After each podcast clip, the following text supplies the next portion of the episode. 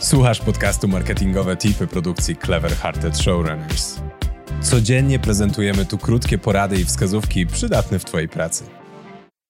Ten odcinek poprowadzi z tej strony Ania Ferlin, dyrektorka kreatywna marki Bezmięsny.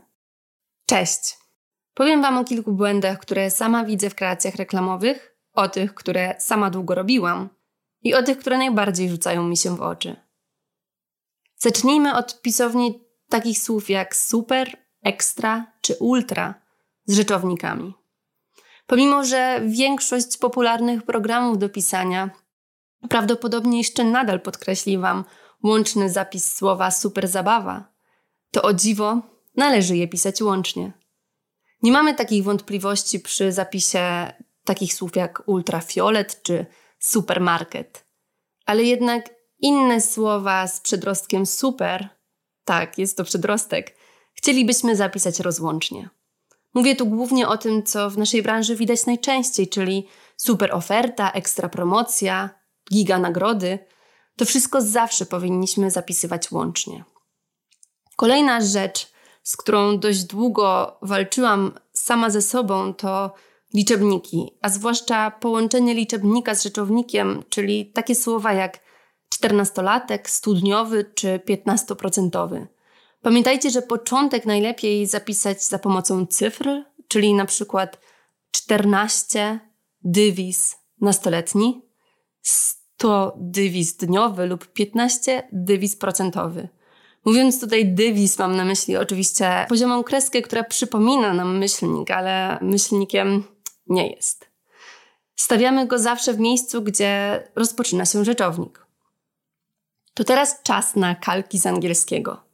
Dedykowany zespół, dedykowane rozwiązania. W języku polskim dedykowana może być nam piosenka, jeżeli autor ją nam faktycznie zadedykuje. Ale rozwiązania nie są dedykowane rodzicom, są przeznaczone dla rodziców, a zespoły są wyspecjalizowane, niededykowane. Warto to zapamiętać i na stałe wymazać ze słownika słowo dedykowane, dedykowane rozwiązania i zespoły. Chyba, że ktoś faktycznie nam dane rozwiązanie zadedykuje, pisząc na nim dedykację. Pleonazmy. W dniu dzisiejszym, w każdym bądź razie, będzie krótko. Po prostu zawsze zastanówmy się, czy czegoś nie da się napisać prościej, szybciej i krócej. Nie jestem filologiem, więc jeżeli w tym podcaście popełniłam jakieś błędy językowe, daj mi znać na moim LinkedInie. Pozostałe wątpliwości odnośnie języka polskiego zawsze sprawdzicie na www.sjp.pwn.pl. Dzięki za wysłuchanie dzisiejszego odcinka.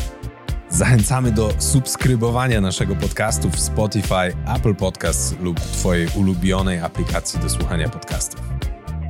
Jeśli chcesz dowiedzieć się więcej, serdecznie zapraszamy do odwiedzenia strony projektu. Link znajdziesz w opisie odcinka. Życzymy Ci udanego dnia i do usłyszenia.